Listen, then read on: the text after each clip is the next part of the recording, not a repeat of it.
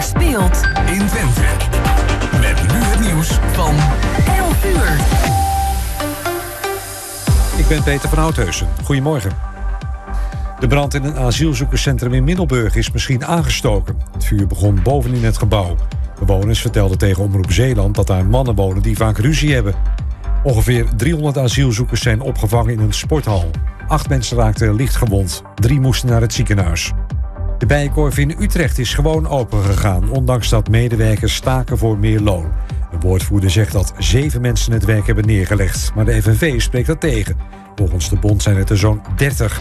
Het personeel dat staakt vraagt winkelend publiek om niet naar binnen te gaan. De organisatie die zich inzet voor mensen met een beperking of een chronische ziekte krijgt geen melding over fouten met het toewijzen van langdurige zorg. Het onderzoek bleek dat mensen soms zonder zorg zitten terwijl ze het wel zouden moeten krijgen. De organisatie zegt wel dat onderzoek naar al dan niet nodige zorg soms heel lang duurt. En een jongen van 18 is vannacht in Beverwijk met zijn auto door de politie aan de kant gezet. Hij viel op omdat hij over de weg slingerde en veel te hard reed. De jongen moest blazen en hij had ruim 10 keer te veel gedronken. De jonge bestuurder kreeg meerdere boetes en is zijn rijbewijs kwijt. Het weer nog van Weer Online. Veel bewolking en plaatselijk mist. In het westen opklaringen. In de loop van de dag op steeds meer plaatsen zon bij maxima rond het vriespunt. Morgen eerst veel zon, later meer bewolking. En dat was P Nieuws. Is jouw auto toe aan een onderhoudsbeurt of een APK-keuring? Maak dan nu een afspraak bij Gebroeders van der Mei in Enschede. Of het nou gaat om APK-keuringen, reparaties, bandenopslag of totaalonderhoud. Gebroeders van der Mei leveren vakmanschap, passie en echte service. Je vindt ons aan de Lonnekerbrugstraat 80 in Enschede. Mam, mama, ik moet plassen. We zijn bijna bij Willemse Toiletten. Daar kun je veilig naar een schoon toilet en je handen wassen. Willemsen Toiletten, het openbaar toilet in de binnenstad van Enschede. Voor een hygiënisch en plezierig bezoek vindt u in de klanderij. Lever na uw toiletbezoek de waardebon in bij een van de deelnemende winkeliers. Scan de QR-code of kijk op willemsentoiletten.nl. Thema beveiliging staat voor betrokkenheid, adequate optreden en betrouwbaarheid. Waar de concurrent stopt, gaat thema beveiliging net een stap verder. Thema Beveiliging levert alle vormen van beveiliging voor zowel de zakelijke als de particuliere markt. Thema Beveiliging, de beveiligingsorganisatie van het Oosten. Telefoon 053 4800 560 of stuur uw e-mail naar info@themabeveiliging.nl. Ook ik rij op autobanden van Gebroeders van der Mei. Vind ons aan de Lonnekerbrugstraat 80 in Enschede.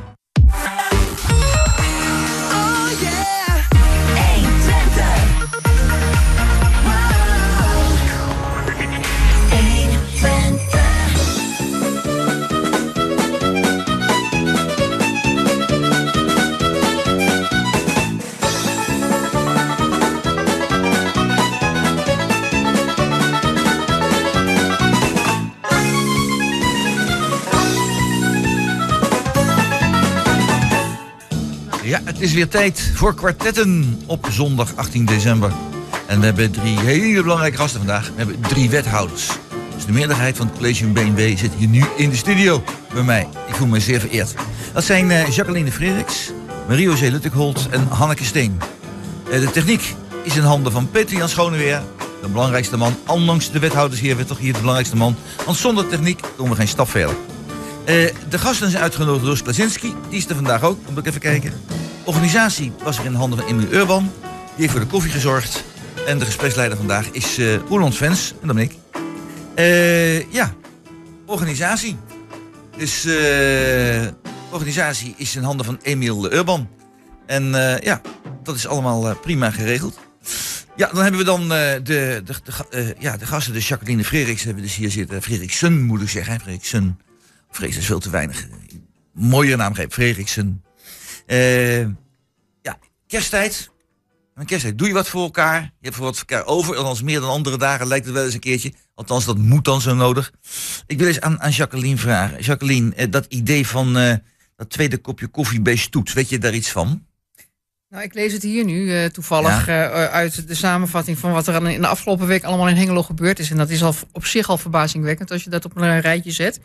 Eh, ik ken het niet, maar ik ken het eh, principe in principe wel. En, en dat vind ik wel heel erg mooi. Dat je eigenlijk bij het betalen van je eigen kopje koffie iets meer betaalt, zodat er iemand anders een gratis kopje koffie kan halen die dat normaal gesproken niet kan. Ik vind dat initiatief altijd heel erg mooi. Het is ook heel, heel erg mooi dat Stoet dat doet. Ja, en dan ga ik even hiernaast naar eh Marie-José.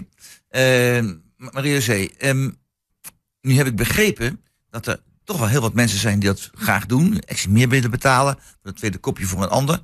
Maar dat die ander eh, nou niet bepaald storm loopt. Hoe zou het nou komen, denk je?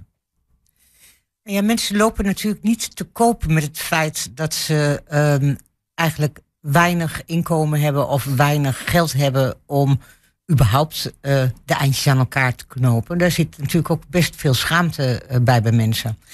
En ik denk dit initiatief van Stoet is eigenlijk een heel bijna onzichtbaar initiatief. Hè? Want je kan naar de kassa lopen of, en je kan een kopje koffie bestellen.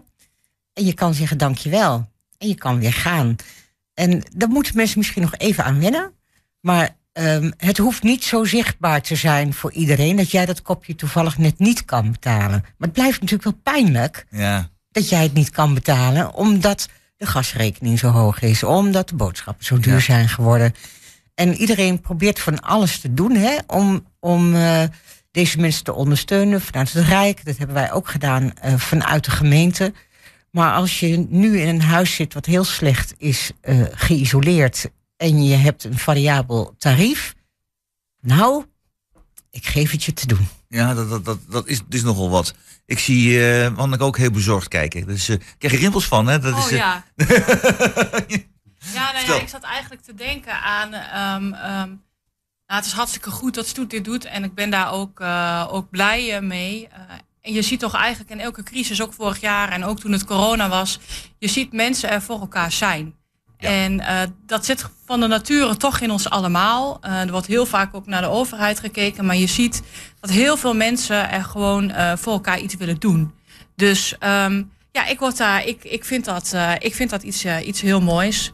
En het, is, het, is soms, het is niet zo ernstig als dat het soms lijkt. Er is veel aan de hand en er is veel armoede. En het komt ook ehm, natuurlijk steeds meer boven de waterlijn. En gelukkig zijn er ook heel veel mensen die belangeloos zich voor een ander willen inzetten. En daar, eh, ja, daar word ik wel, eh, word ik wel blij van. Ja, Nu, is het, als je over denkt, maar het is me opgevallen. Ik, ik hoor die geluiden her en der ook. Van ehm, er wordt gezorgd zeg maar, voor de mensen met, met de, de laagste inkomens. Wat natuurlijk ook altijd, altijd beter kan. Maar goed, Nou, het wordt, wacht, wacht even. Het, wordt, het kan altijd beter. Ik kom zo bij jou. eh, Ja. Geen probleem, Maria. Ik ga even nog even doen met Hanneke. Eh, maar het is, ook een groep en die zit daar net boven. Eh, en, die, en die valt eigenlijk buiten allerlei zorgtoeslagen. Die valt buiten van ons nog wat. Eh, en ik heb wel eens de indruk, en iemand heeft me wel eens voorgerekend, dat die mensen slechter af zijn dan mensen die, zeg maar, die daar een stapje lager zitten. Is, heb je dat ook gemerkt? Is dat correct wat ik denk of is dat niet zo? In sommige gevallen, zeker nu, in deze tijd, klopt dat. Eh, omdat, ehm, eh, nou ja, met name die energierekening er eh, gewoon echt grof inhakt. Dat is natuurlijk ook de reden waarom wij in Hengelo hebben gezegd... die energietoeslag die het Rijk geeft, zeg maar, tot nou ja, dat, dat minimum bijstandniveau... die rekken wij op naar modaal. Ja. En juist ook omdat we zien dat zeg maar, ook modale inkomens het heel erg moeilijk hebben. En dat die groei van bij de voedselbanken ook op dit moment te zien is. Hè? Dus het is ook geen gekkigheid, het is gewoon echt waar. Echt waar. Marie-José, want eh, je, je hapte meteen, want het, dat dit Ik gevoelig. ja, ik, nou, ik ageer op het woordje er wordt gezorgd voor. Want ehm, we vragen nog steeds heel veel van die mensen. En die mensen moeten zelf ook nog steeds heel erg veel doen. Maar wij hebben in dit land, en laten we blij zijn dat we dan in Nederland wonen, hebben we een vangnet voor mensen die echt niet kunnen rondkomen. En dat vangnet, dat is er natuurlijk niet voor niks. Maar het betekent niet dat ze daarom niks hoeft te doen. Dus ik ageer tegen het woordje er wordt gezorgd voor Ik ga mensen. even hierop door, want het is wel, wel een punt. Het zijn, stel je hebt een, een, een lage opleiding en je bent niet gewend met allerlei computersystemen en allerlei organisatorische zaken. Ehm, ik heb ook wel eens begrepen dat er nog wat mensen dan buiten de boot vallen, gewoon omdat ze niet weten hoe ze het moeten aanvragen, hoe ze, hoe ze ermee om moeten gaan. Dat is juist een kwetsbare groep. Eh, dat klopt. Eh, voor sommige mensen is het echt ook best ingewikkeld. En gelukkig hebben we hier eh, in de bibliotheek, hè, waar, waar wij nu ook zitten, hebben we hier het maatschappelijk plein.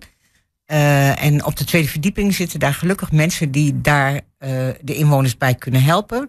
Omdat het lang niet voor iedereen eenvoudig is. Met name bijvoorbeeld ouderen die eigenlijk of geen pensioen of een heel klein pensioentje hebben. Nou, als ik kijk naar mijn vader bijvoorbeeld, die is 89. Die kan echt niet eh, met een computer omgaan. Eh, dat eh, wil die ook niet meer leren en dat hoeft hij voor mij ook niet. Nou kan ik hem helpen. Hè, als, Ja, maar, maar hij niet- woont niet hier in iedereen kan dat krijgen natuurlijk, Nee, hè? precies. En daarom kan je dan hier bijvoorbeeld naar de bibliotheek. Maar je kan je altijd melden bij het gemeentehuis. Want dan word je daar geholpen. Oké. Ja, ik wil daar nog Jacqueline. heel even op aansluiten, want wat Mario C. zegt, dat klopt helemaal. Maar een van de belangrijke aspecten waar we ook mee te maken hebben in de huidige maatschappij, is dat er een heleboel mensen aan de kant staan zonder dat we het weten.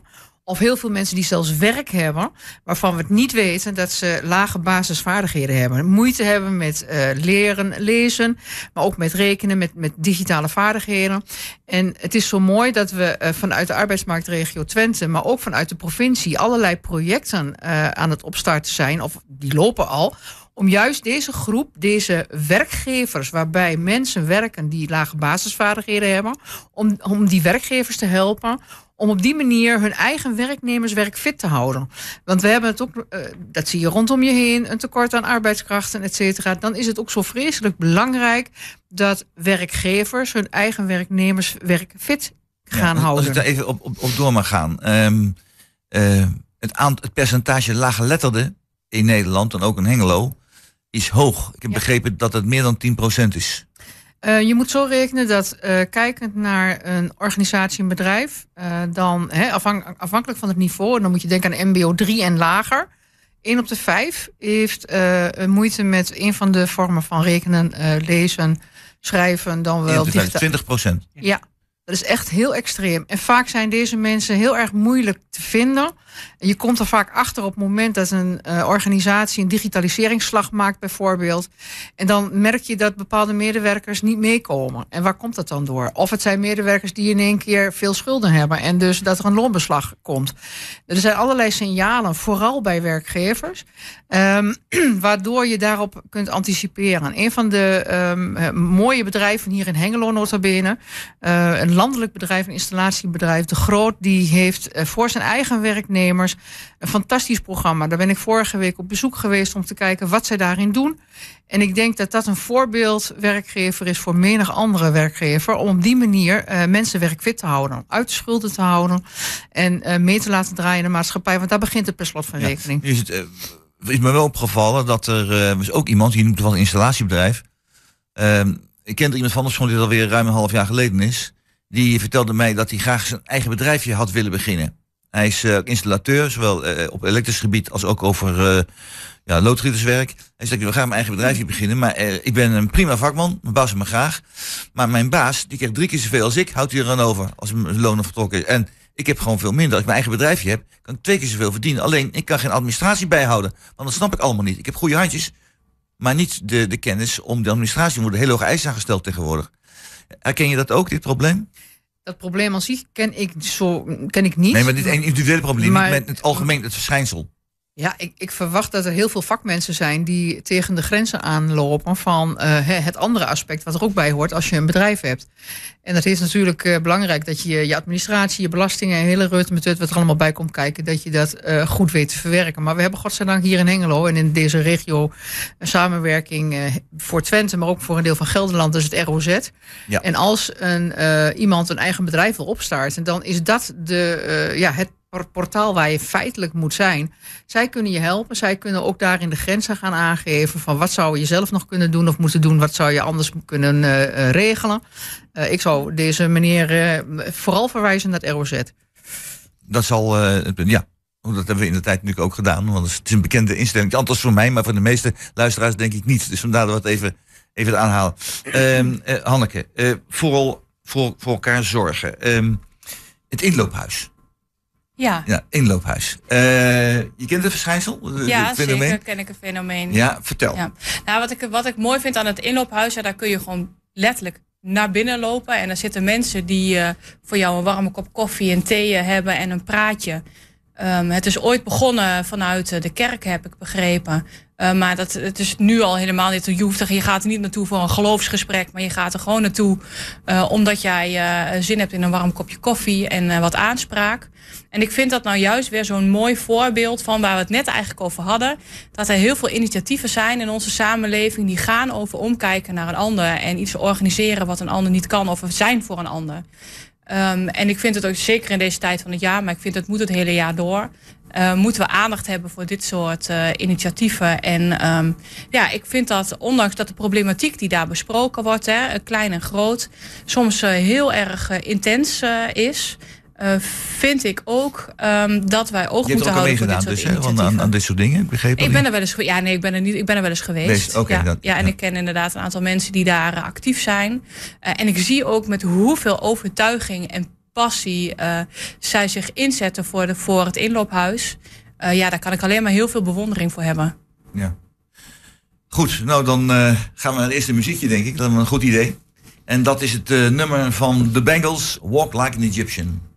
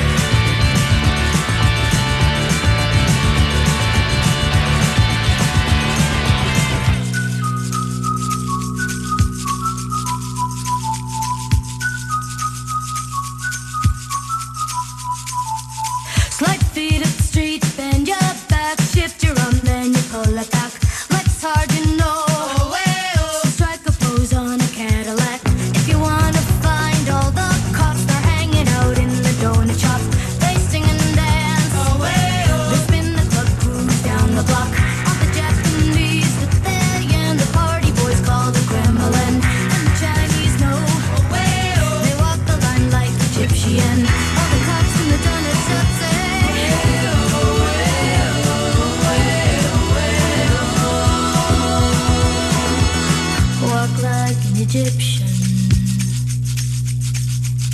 Walk like an Egyptian.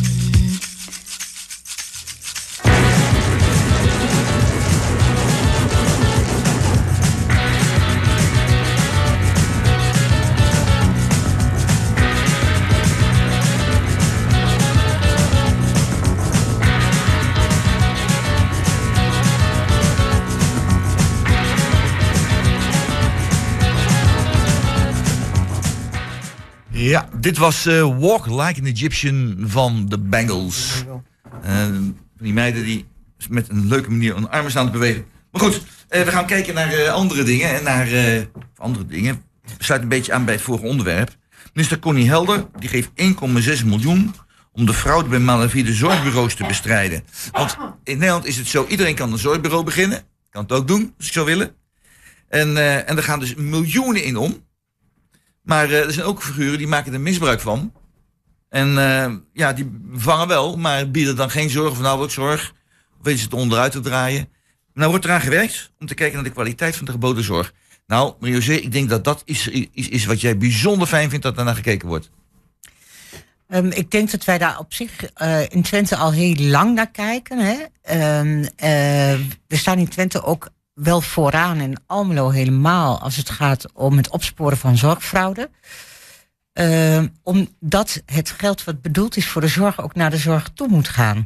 Ja. En ehm, ik vind het echt afschuwelijk dat er organisaties zijn die ehm, eh, zeggen zorg te bieden en dat niet doen. Of nog erger, zelfs mensen charteren omdat dat zij een aanvraag moeten doen, terwijl ze die misschien eigenlijk wel niet nodig hebben, maar eigenlijk misschien dan maar iets vertellen, zodat zo'n zorgbureau daar geld uit eh, kan halen. De zorg die knijpt aan alle kanten. We hebben eigenlijk eh, een tekort aan alle kanten in de zorg. Niet alleen bij de gemeente, maar ook eh, landelijk bij de WLZ. Als we daar niet op een goede manier mee omgaan, dan gaat dit gewoon niet goed. We zullen de zorg anders moeten organiseren. En dus zullen we ook moeten zorgen dat deze bureaus, eh, bedrijven zoals ze zichzelf noemen, eh, dat we die eh, niet meer mee laten doen. Dat kan gewoon niet. Nee. Nou, ik ga nu een hele gevaarlijke opmerking maken. Deze moet je ontzettend uitkijken. Het is me opgevallen uit de krantartikelen. En ik kijk naar de namen, de voornamen die dan genoemd worden van degenen die leiding hebben van zorgbureaus. Dat ze toch van meestal uit culturen komen die wat meer afgesloten zijn van de algemene cultuur. En dat druk ik me heel voorzichtig uit. Eh, is dit een, is dit een, is iets wat ik zelf vanuit een verkeerde houding constateer? Of is dat een toevalligheid? Ehm, ik vind hem wel gevaarlijk, want ik ken hem. eh, Ja, ik ben voorzichtig. ja, ja. Nee, daarom blijf ik ook zelf voorzichtig. Eh, we zien dat eh, het binnen bepaalde culturen wel eh, voorkomt en misschien ook wel vaker voorkomt. Maar ik ken zeker ook zorgbureaus waar Nederlandse eh, directeuren zitten die gelijktijdig hetzelfde grapje uithalen. Dus Ja. of dat nu meer of minder is, dat durf ik zo niet te zeggen. Die cijfers ken ik niet. Wie het ook is, het interesseert me eigenlijk niet. Je mag dit gewoon Gewoon niet, doen. Nou, heel duidelijk. Jacqueline, mee eens? Ik ben het helemaal mee eens. Maar ik denk dat het ook goed is om vooral te kijken van wie er aan, in de raad van toezicht of wat dan ook, hoe het ook maar heet, Ah, ja, zit. Ja. En dan kom je allerlei namen tegen. En ook van onze eigen landsmensen, om het zo maar even ja. te noemen. Met eh, van oorsprong eigen landsmensen. Dus het is heel gevaarlijk om te zeggen dat het bij een bepaalde doelgroep eh, vooral aanwezig is. Ik denk dat het belangrijker is dat we met dit initiatief, zoals dat nu eh, de bedoeling is, vanuit ROC al gelijk mensen op te leiden. Studenten werken met mee. een stuk eh, zorg en, en, en eh, signalering met betrekking tot de kwaliteit van zorg. Ik denk dat dat gewoon vreselijk belangrijk is. En, en dat je daar dus al eh, preventief, zeg maar even, ehm, al, eh, al die signalen naar boven haalt, waardoor je ook met eh, zorgbureaus in gesprek kunt gaan. Zo van, uw zorg is ontoereikend en komt niet overeen met de indicatie of met het geld wat wij ervoor betalen. Het gesprek aan kunnen gaan en mensen ook daar weer in verder kunnen helpen. Ja. En volgens mij hebben wij Ja. ook te zorgen dat we als eh, gemeente in dit geval, om maar even voor onszelf te Ja. praten, hè, dat we meer aan die voorkant komen. Eh, we hebben nu bij de aanbesteding zoals die er nu is, zo'n stoplichtmodel. Eh, iedereen kan eigenlijk meedoen. En dan gaan we kijken, is het ook iemand die eh, wel of niet oké is? Terwijl ik denk, nee, je gaat eerst even kijken of iemand wel of niet oké is. En eh, dan, pas, Dan ga je kijken. dan pas groen licht. Heel goed. Anneke, Hoe je ook heet, fraude is gewoon onacceptabel. altijd fout. Punt. Ja, dan gaan we niet. Dan ben je heel kort en heel duidelijk en heel krachtig in. Nou, helemaal mee eens. Dan gaan, eh, gaan we nog even verder kijken. Want eh, ja, de zorg is toch wel een punt. Er is erg veel krapte op het gebied van de zorg. En eh, ik zou toch zeggen van, ja, ik kom uit, zelf uit onderwijs. eh, en eh hier, Jos Klasinski die binnengelopen is hier zo, die komt ook uit onderwijs. Het, is, het zijn dingen die ons heel betrokken zijn. Hier zijn we ook niet onbekend met onderwijs. De zorg is hetzelfde, even mooi werk. Het ligt ook in dezelfde omgaan met mensen. Dat is toch geweldig om dat te doen. En Hanneke, waarom is het nou zo dat er zo tekorten zijn het gebied van zorg? Ik kan me dat nauwelijks voorstellen. Dat is toch geweldig? Nou ja, ik hoor heel vaak eh, werk in de zorg is een roeping. En volgens mij is dat zo. Want de mensen in, om mij heen die in de zorg werken, die, eh, die, die ervaren dat ook zo. Eh, ik denk dat het met meerdere dingen te maken heeft. Het heeft ook het heeft met het imago te maken. Er is lang nou ja, ook onderbetaald geweest. Volgens mij wordt het aardig rechtgetrokken de laatste tijd. Maar nog steeds zien we dat nou ja, je el- elders meer kan, meer kan verdienen. Ehm, maar het zijn ook de lange dagen. En ik denk dat dat niet alleen geldt voor de zorg, maar ik denk voor de hele publieke sector. Je ziet het, wat je zegt, ook in het onderwijs. Je ziet het bij de politie. Eh, je ziet het bij eh, de BOA's. Eh, eigenlijk alles in het publieke domein. En, en we hebben ook gewoon ehm, op dit moment gewoon meer ouderen en minder jongeren die opgeleid kunnen worden. Hè, dus eh, je- ziet, en, en dit, is, dit gaat nog wel verder, eh, zeg maar. We gaan dit echt niet oplossen met meer salaris. Want eh, er, er zijn gewoon minder mensen die het werk kunnen doen. Zou het, Zo zou het kunnen hebben met dat het van oorsprong, ik weer een gevaarlijke opmerking maken, een vrouwenberoep was in de zorg om te werken. En je had, van oorsprong zeg ik, nou Ja. tegenwoordig niet meer zo, maar eh, het is heel lang zo geweest. En vrouwenberoepen werden vroeger gewoon ook slechter betaald en moesten ook bijzonder hard werken, vaak harder dan de mannen. Eh, is dat niet een, een, een, ja, een fossiel van vroegere tijden? Nou, ik denk dat we inmiddels al wel aardig in de eh, in 2022 eh, leven. En we zijn ook al een aantal decennia volgens mij ervan overtuigd dat ehm, elk beroep door eh, elk geslacht eh, kan worden gedaan. Dus volgens mij eh, is het dat, dat denk ik niet. Volgens mij wordt er heel erg goed ge- getimmerd als het gaat over het imago van, van de zorg. Ik zie zowel mannen als vrouwen in de zorg, ook op tv en in de media. Dus nee, daar geloof ik helemaal niks van. Ehm, maar nogmaals, ik denk dat het echt komt omdat er gewoon er is veel te kiezen en er zijn minder mensen. Dus eh, ja, er, er- dan wordt de spoeling gewoon letterlijk en figuurlijk dun. Ja. Ja, ja, ik denk ook dat er nog wel een bijkomend aspect is. Als je kijkt naar het onderwijs aan zich. Je ziet nog steeds dat er opleidingen zijn waarvoor eigenlijk eh, de vraag in, in mindere mate aanwezig is. Dus ik denk ook dat het onderwijs veel eerder moet gaan kijken in samenhang met wat de, de markt nodig heeft. Om te kijken hoe ze hun onderwijspakketten kunnen, aan, eh, kunnen aanpassen. Het gevoel ook van mensen of het beeld van mensen rondom bepaalde beroepen is ook niet altijd heel positief. En eh, kijk even naar techniekonderwijs bijvoorbeeld. Het is soms moeilijk om mensen te bewegen of jongeren te bewegen in de techniek te gaan, eh, te gaan. En dat heeft ook te maken met hoe de beeldvorming bij hun eigen ouders zo is. Want de techniek, daar krijg je smerige vingers van en dat is niks. Nou, en als je dan bij zo'n bedrijf komt, dan zie je dat het Graag fantastisch heel is. allemaal tegenwoordig. Ja, dat, dat is gewoon niet meer zo. En, Nee. en ik denk dat dat ook heel erg bepalend is voor keuzes van kinderen vanaf het primair onderwijs feitelijk al. Nou goed, en, en ik denk dat daar eh, een stukje belang ligt voor eh, ja, communicatie daarover, helder maken van hoe, wat en waar. Ja, en daarnaast, wat, wat Hanneke net ook al zegt, vergeet niet, ook in de zorg waar je het mee begon, de zorg, de complexiteit en de vraag die dat met zich meebrengt voor de individuele medewerker. Eh, Het feit dat er met minder geld uitgekomen moest worden. En dus dat er ook minder mensen in de zorg waren. Dat heeft ertoe geleid dat er nu feitelijk ook voor een deel een tekort is. Mede vanwege de financiële tekorten daarin. Ja, José. Ja, eh, het grootste probleem is natuurlijk dat we eh, straks naar bijvoorbeeld in 2030 weer hier in Hengelo ook al een heleboel mensen hebben die 65 plus zijn. Hè? Ehm, en hoe ouder je wordt, hoe meer zorg eh, je nodig hebt. Dus dat betekent ook dat we naar een andere manier toe moeten. Hoe kijken we naar mensen? Gaan we het alleen maar hebben over waar, wat kan ik niet meer? Of juist naar wat kan ik wel? Ehm, want daarmee kunnen mensen dus ook langer zelfstandig eh, blijven wonen. Als je juist traint op de dingen die ze eh, wel kunnen. Eén op de drie mensen moet straks werken in de zorg als we het blijven houden zoals we nu houden.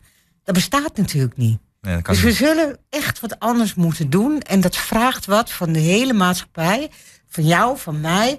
Dat we ook op een andere manier eh, oud willen worden en eh, gaan vragen. Want de, is het- de- het is nu ja. wel een beetje zo ook ehm, dat we het heel normaal vinden dat iedereen eh, maar komt en van alles voor ons doet. En dat wordt echt anders. Dat wordt echt anders. Ja, nou is het, is het eh, wel even zo. Als ik nou kijk naar wat het allemaal kost. Hè?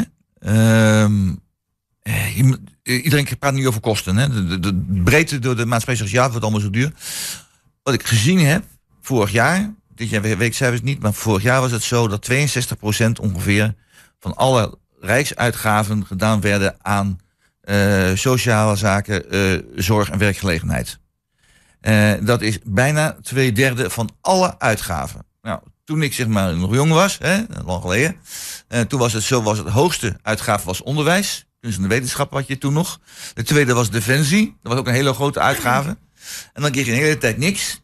En dan ergens middenin onderaan, daar kwam zo'n beetje het onderdeel, eh, zeg maar, eh, zorg eh, naar voren. Eh, zoals het nu gaat, blijft het betaalbaar. Kan nog wel voor de mensen gezorgd worden. We kunnen mensen niet door blijven belasten. Dat is, er, er moet wat aan gebeuren. Wat zou er moeten gebeuren, meneer José, om, om dit probleem nu goed aan te pakken? Nou ja, wat ik net al zei, ik, want ik vind op zich wel mooi wat je zegt, maar dan zou je daar ook de vergelijking bij moeten maken. Hoeveel mensen waren er toen hè, als ouderen en hoeveel zijn er nu als ouderen? Wij worden met z'n allen ook steeds ouder, omdat dat we en eh, gezonder eten, eh, maar ook omdat de eh, wetenschap natuurlijk steeds meer eh, weet wat je allemaal kan doen aan ziekten. Dus eh, we kunnen ook steeds langer leven. Dat willen we ook heel graag.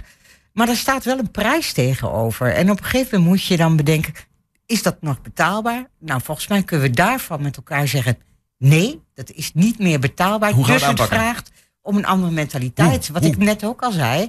We zullen van, eh, eh, vanuit het Rijk, maar ook lokaal, echt een soort van eh, communicatie iets moeten doen naar inwoners. Dat we op een andere manier met elkaar samen moeten leven. En dat het niet meer alleen gaat over, oh, ik kan dit niet meer. Nee, maar wat kan je dan nog wel en wat is je kwaliteit van leven? Ga ik even een rondje maken.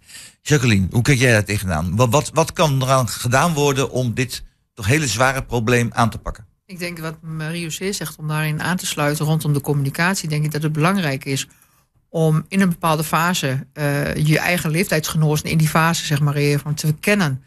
Dus verbinding te maken, te zien waar eh, Jantje goed in is en Pietje wat minder en elkaar daarin vooral voor te helpen. Want ik denk dat dat heel erg belangrijk gaat worden. Dat alle bekende Twentse noberschap, ik denk dat we daar Ja. echt op moeten gaan leunen. We kunnen niet alleen maar eh, mantelzorgers hebben. Dus ik denk dat dat heel belangrijk wordt. Daarnaast denk ik dat ehm, digitalisering en techniek een hele belangrijke eh, motor wordt. En dan moet je echt denken aan robotica, ehm, waarbij mensen echt eh, behulpzaam eh, of geholpen worden. eh, door middel van robotachtige eh, machines, eh, de technologie, waardoor ze alleen maar een, een, knopje in hoeft te drukken.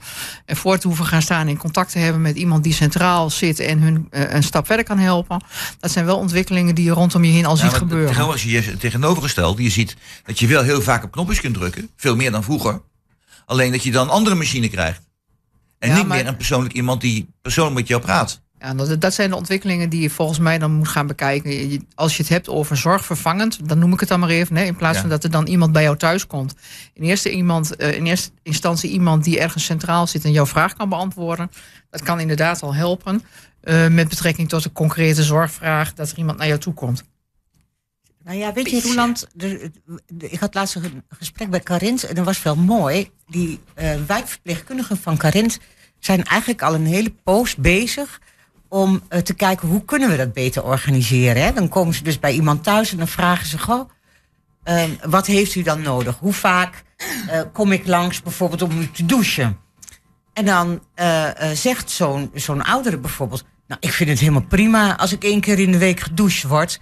en voor de rest red ik mij daar wel mee. Maar dan zit daar een zoon of dochter bij... en die zoon of dochter zegt, nee, maar niks ervan. Mijn vader die moet gewoon elke dag onder de douche. En die vader zegt, nee joh, dat hoeft echt niet. Ik kan gewoon echt één keer in de week onder de douche... voor de rest komt dat wel goed. Dus welke norm moeten we hanteren? Hè? Mogen we luisteren naar degene die die zorg ontvangt? Of moet het allemaal ehm 100%? Waarbij iemand misschien best drie keer in de week onder de douche zou moeten... als het nodig is, omdat er wat aan de hand is. Maar als iemand met één keer in de week onder de douche tevreden is... waarom is dat niet goed genoeg? Dus bij wijze van spreken, als een man een partner noemen, als iemand eh, incontinent is, moet elke dag. En als iemand eh, gewoon zeg maar redelijk gezond is eh, daar beneden, dat, ja, laat maar gewoon zeggen wat het is. Dan, dan kan het wel, wel minder vaak dan, dan één keer per dag. Als iemand het zelf oké vindt, Ja. ja. Oké, ik ga naar Hanneke toe.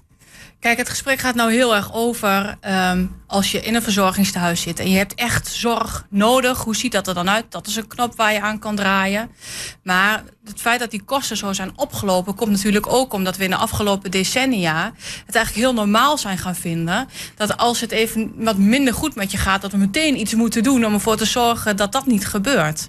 Maar we kunnen ook heel veel doen om wat meer aan die voorkant te gaan zitten, aan preventie te doen. Ervoor te zorgen dat mensen niet eenzaam worden en daardoor ziek worden. Uh, doordat jongeren, dat we jongeren eerder opvangen voordat we ze in een zwaar traject uh, stoppen. Want dat zijn trajecten die heel veel geld kosten. Terwijl als we nu gaan investeren aan meer preventie, meer welzijn. Uh, dan kunnen we ook een heleboel voorkomen in de toekomst. Dus dat is ook een knop waar we aan moeten en gaan draaien. Um, uh, in Hengelo. Om ervoor te zorgen dat die eigenlijk die hele zwaardere zorgtrajecten niet nodig zijn. Zodat we al op het moment dat iemand in een verzorgingstehuis zit. of dat er heel veel zorg nodig is. dat die mensen dat ook gewoon daadwerkelijk echt kunnen ben ik krijgen. even op één woordje wat jij tussendoor gebruikt. Dat was het woordje eenzaamheid. We hebben hier ook met de radio een half jaar geleden een, een heel programma gehad. Uh, om aandacht te besteden aan uh, eenzaamheid in het bedrijfsleven. Uh, daar heb ik heel veel reacties op gehad. En de, omdat het blijkbaar een heel groot probleem is, veel groter dan ik ooit gedacht heb. Maar dat niet alleen zit bij het bedrijfsleven, maar inderdaad ook wat je zegt, bij jongeren komt het heel veel voor. Bij ouderen komt het heel veel voor. Dus, um, en wat zou je kunnen doen aan, aan die eenzaamheid? Kijk, van het bedrijfsleven we het uitgebreid besproken. Maar hoe doen we dat nou bijvoorbeeld met ouderen? Um, nou ja, je, je zegt het mooi we. En want ik denk ook echt dat dat een gemeenschappelijke verantwoordelijkheid is. Um, we kunnen daar als gemeente wel iets in doen. Hè, door ervoor te zorgen dat we in wijken bijvoorbeeld veel meer aanwezig zijn en we dat eerder zien. Uh, en aan de andere kant zit dat ook wel voor een deel in de instellingen en in de sociale omgeving. Dit is echt wel iets wat we met elkaar moeten aanpakken. En het feit dat er vanuit het Rijk en vanuit ook de gemeente tegen die eenzaamheid uh, gevochten wordt door allerlei programma's. Maar die mensen moeten daar nog wel inkomen. Ja. Hè? Dus um, um, nou ja, ik vind nou, als we het de kerk maar weer even hebben, er zijn veel uh, soepactiviteiten op de, uh, op de zondag. Uh, zodat mensen met elkaar op de zondag een kopje soep kunnen eten. Um, dat ge gebeurt gewoon in clubs en in uh, gemeenschappen en in kerken. En dat moeten we vooral ook ondersteunen en blijven waarderen. Het hoeft niet altijd met geld, maar dat kan ook met een schouderklopje zijn. Zodat we ook uh, in onze gemeente de mensen gemotiveerd houden om dat te blijven doen. Ja. Uh, we gaan naar het volgende muziekje. en dat is een muziekje van Bruce Springsteen, The River.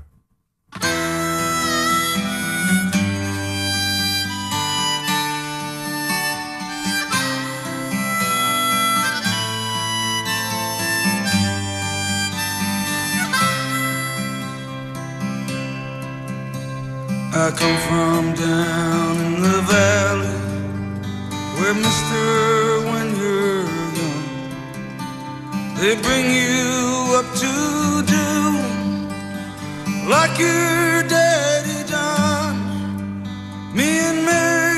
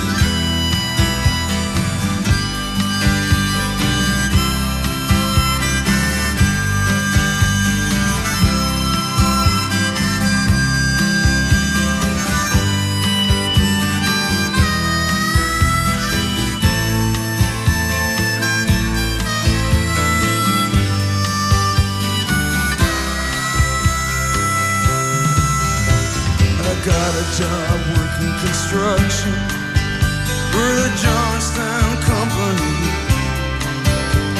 But lately there ain't been much work on account of the economy. Now all them things that seem so important, well, Mister, they vanished right into the air. Now I just act like I don't remember. Mary acts like don't care. But I remember us riding in my brother's car, her body tan and wet down at the reservoir. At night on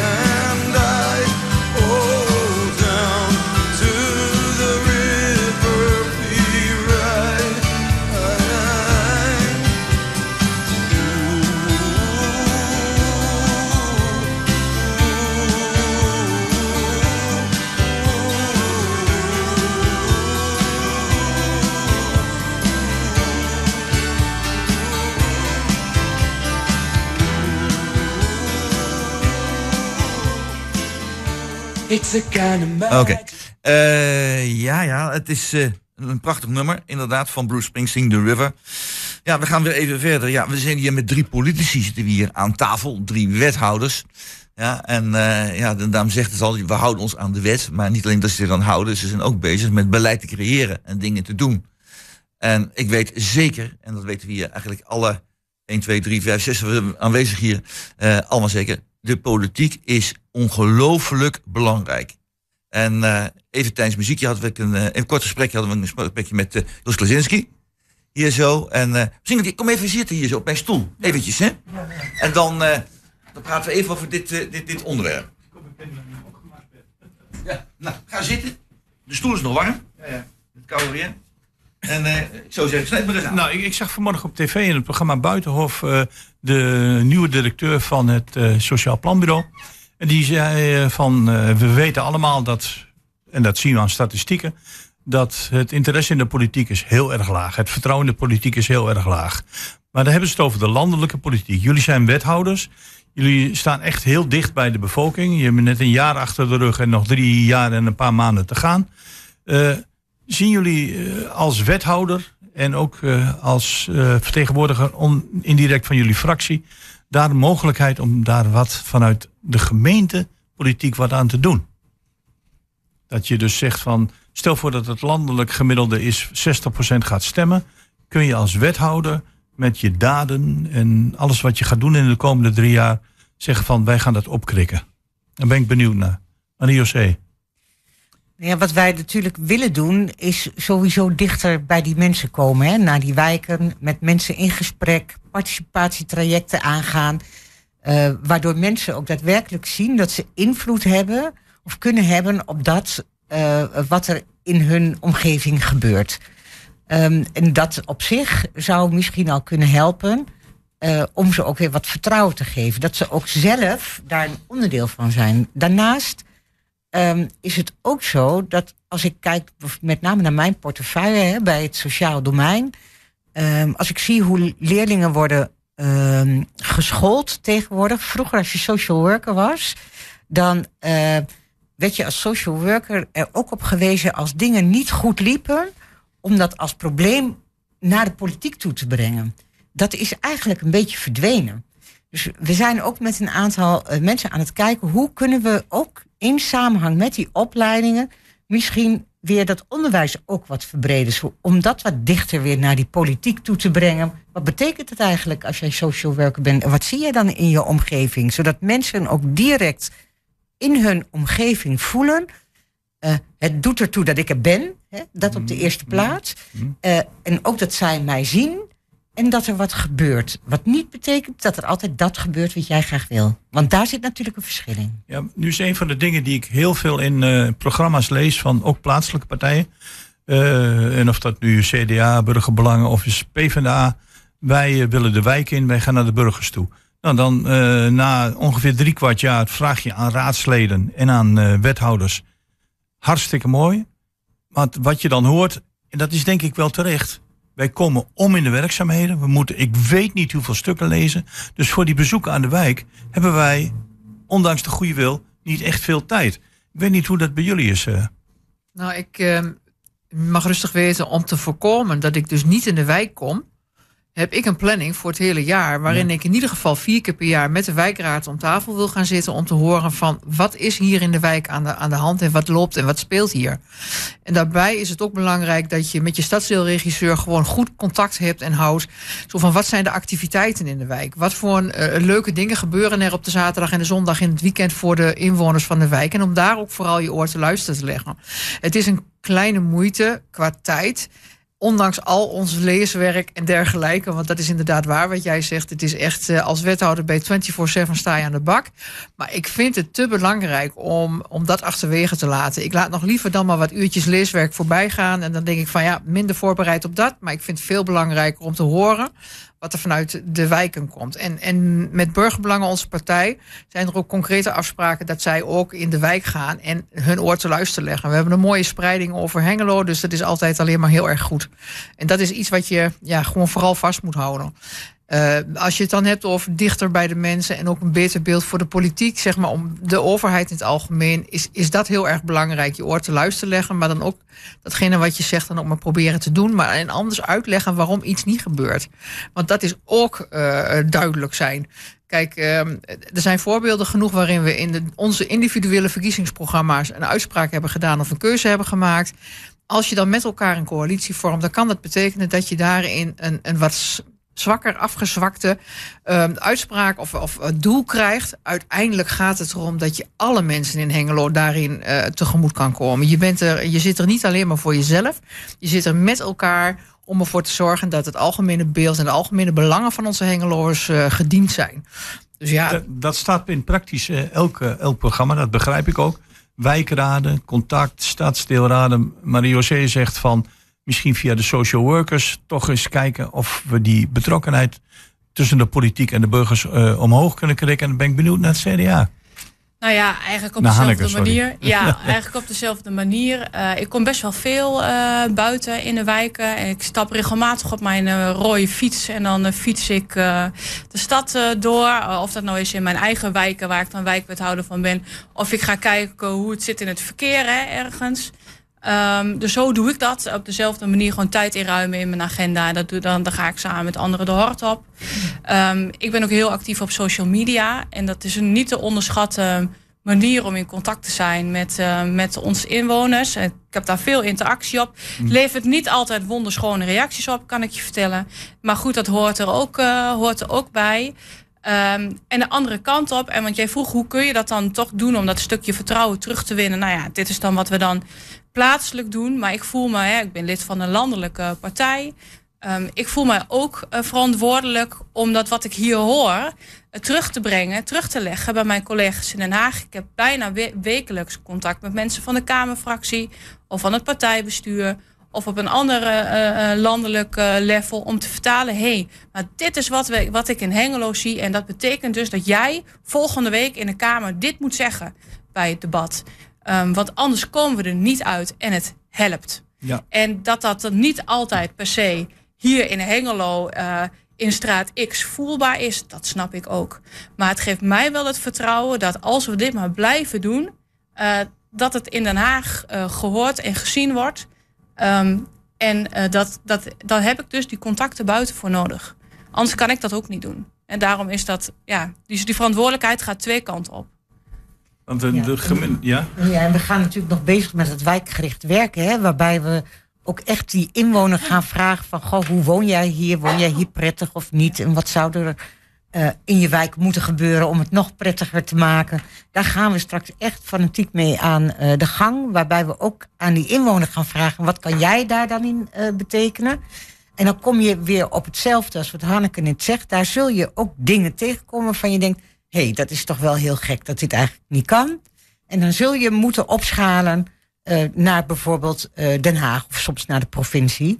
Eh, en dat zullen we dan ook echt doen. Heeft burgerbelangen dat, dit privilege niet.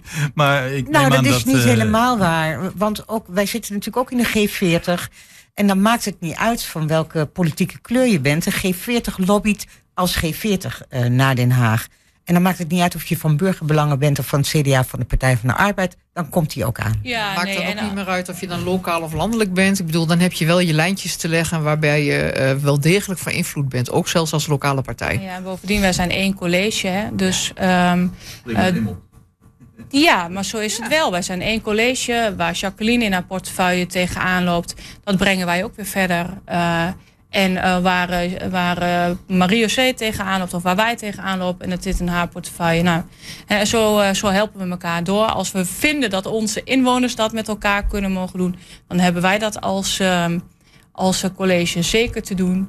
En nou ja, jij noemde ons net wethouders. Het begint ook, we leven in een rechtsstaat. We moeten elkaar daar ook aan houden en het goede voorbeeld geven. Nou, de luisteraars hebben het gehoord. Onze wethouders zijn betrokken en aanwezig. Zo is het. Succes. Bedankt Jos. Eh, ik neem er even over. Het kan nog net eventjes. We hebben nog één onderwerpje voor vandaag. En dan zit de tijd alweer bijna op. En dat is over het wonen. Over het wonen in Hengelo. Dat is een thema wat iedere week terugkomt. Maar dat, we kunnen daar niet omheen.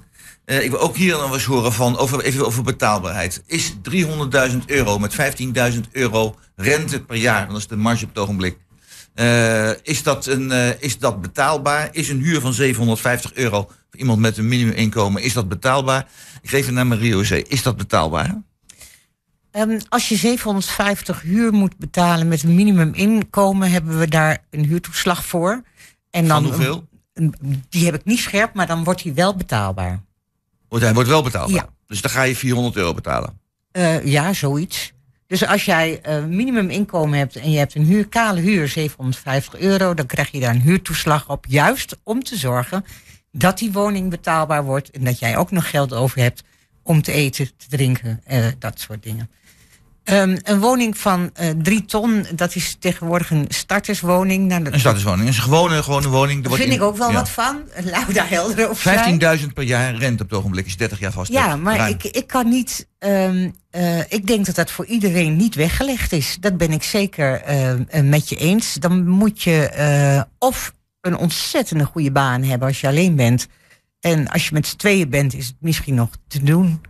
Ehm, in mijn tijd waren de huizen eh, iets goedkoper toen ik begon. Eh, maar ja, die woningmarkt is zo ontzettend omhoog gegaan.